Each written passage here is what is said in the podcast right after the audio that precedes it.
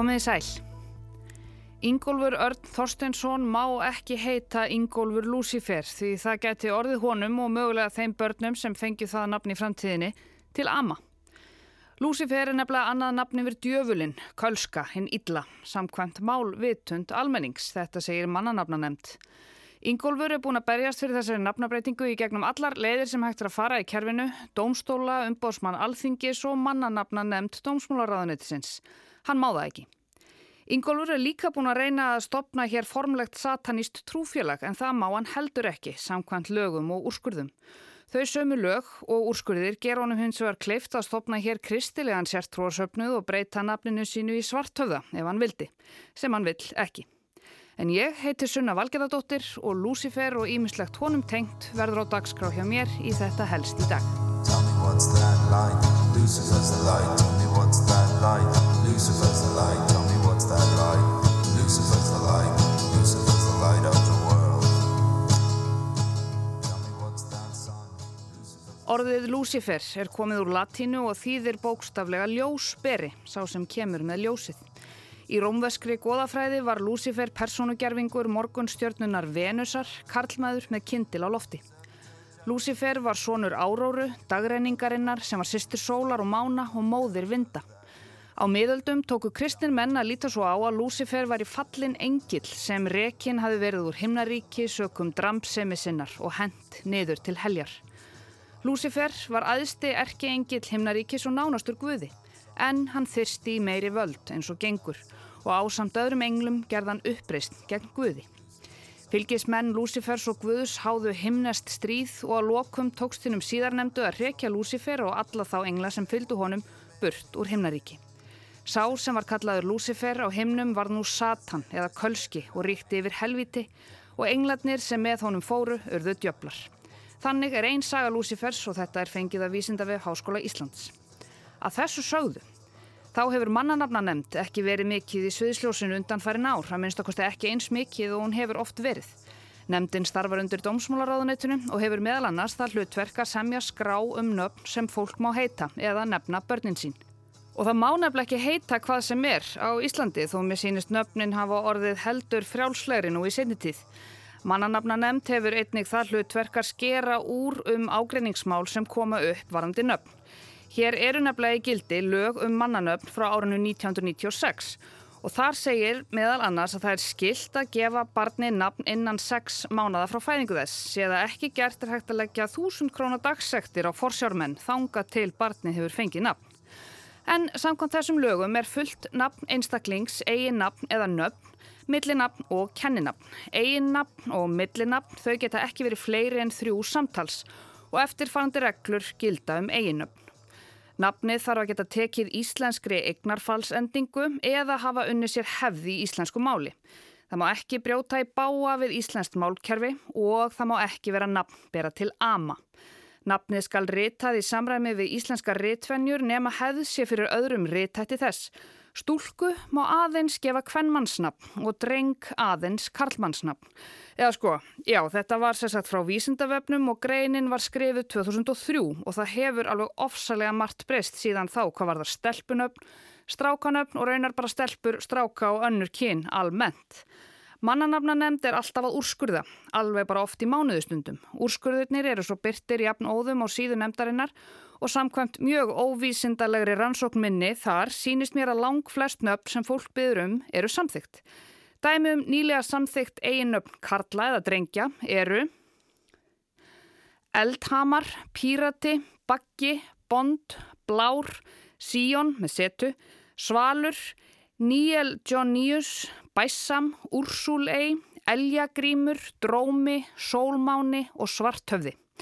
Og svo eru líka nokkur eiginöpp kvenna eða stúlkna sem voru samþygt. Það eru Paradís, Telekía, Mún, Myrkva, Kvika og Gjóska.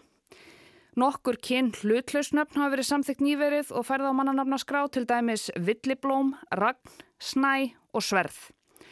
En eins og áður segir þá er það líka hlutverk mannanafnanemndar að hafna tillögum og beðnum fólksum nöfn sem þykja ekki við hæfi eða fylgja ekki lögum um mannanöfn réttar að sagt. Til dæmis má ekki nefna barni sitt með millinöfnunum Klingenberg, Thunderbird, Welding eða Street. Til að setja þetta í samhengi má ég til dæmis ekki heita Sunna Strít Valgerðardóttir. Og svo er það nokkur eiginöfn sem hafa líka verið bönnuð á nefndinni nýlega sem sé fyrstunöfn og það eru kvennmannsnöfnin Mín, Geitin, Frostsólarún, Ólasteina og Hel.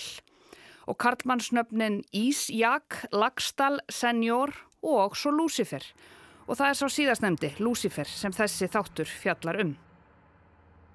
En það var D.V.A.F. sem vakti aðtegli á því að það var Ingólfur Örn Þorstensson sem vildi fá að breyta nafninu sínu í Lúsifer. Og hér á eftir fer hluti úr úrskurði mannanafnanemdar í máli hans. Hinn 27. júli 2021 tekur mannanafnanemnd fyrir beðni um endur upptökum máls varandi Karlmannsnafnið Lúsifer en erindið bast nefndinni 1. júni.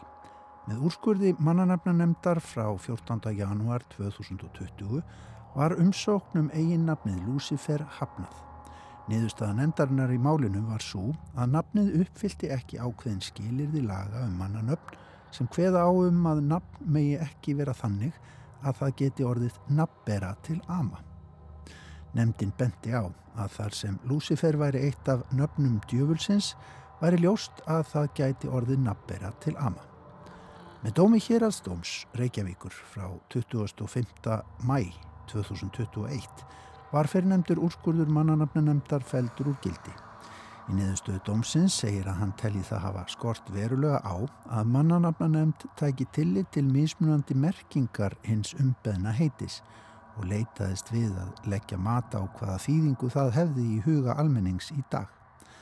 Að samaskapi gætti nefndin ekki nægilega að því að beita bar greinum lagana af varfærni að virtum lögskýringar gögnum.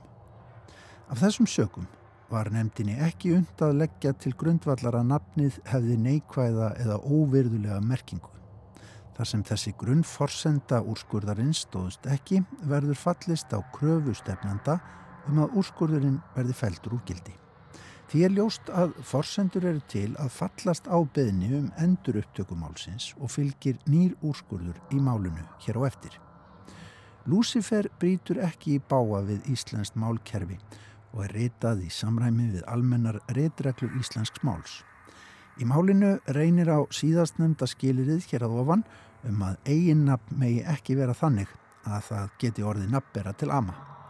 Í greinargerð með lögum um mannanöfn segir að það séu auðsægilega mikilvægir hagsmunir barna að þeim séu ekki gefin nöfn sem telja verður ósiðleg, niðurandi eða meðandi, svo sem nöfn eins og þrjótur, hel og skessa.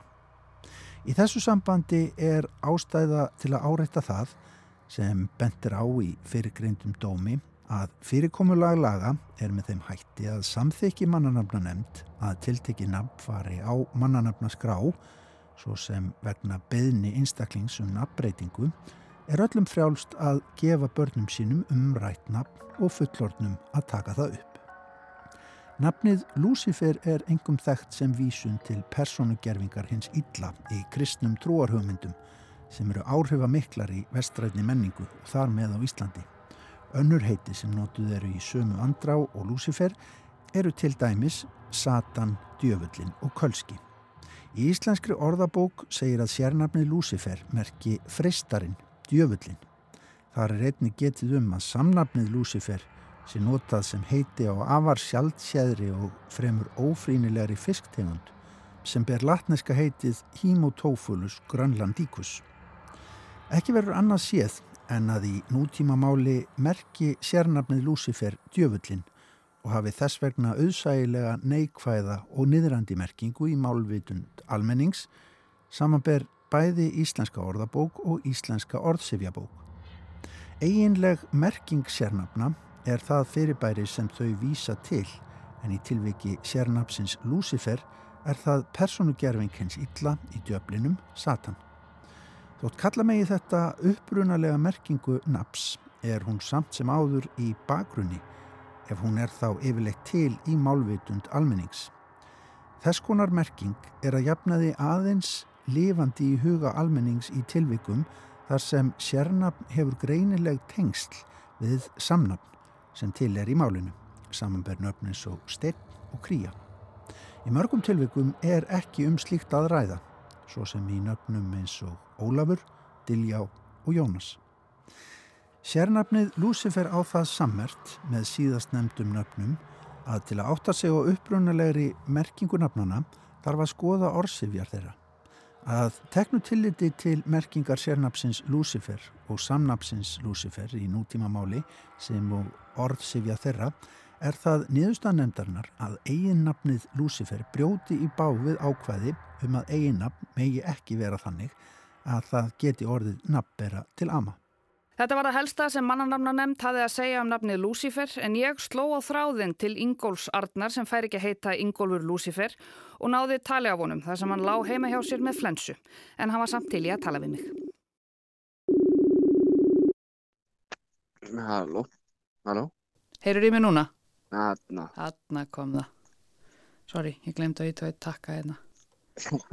Gerist fórsagan er svo að, að í mörg ár var ég búin að hugsa um uh, hvort ég ætti að taka upp þetta nafn í staðin fyrir uh, uh, setna í nafni mitt sem er Örn. Og svo sá ég í fréttablaðinu 2019 að það hefði einhver sótt um þetta nafn með ennskri stafsetning og fengið sinni og fór þá að kynna mér og sá að uh, þeir sem hafa farið fyrir mannarnefndi gegnum árin hafa yfirlega nota þetta nafn sem dæmi um það af hverju mannanamnend er nöðsynleg. Ok, byrju hvernig þá?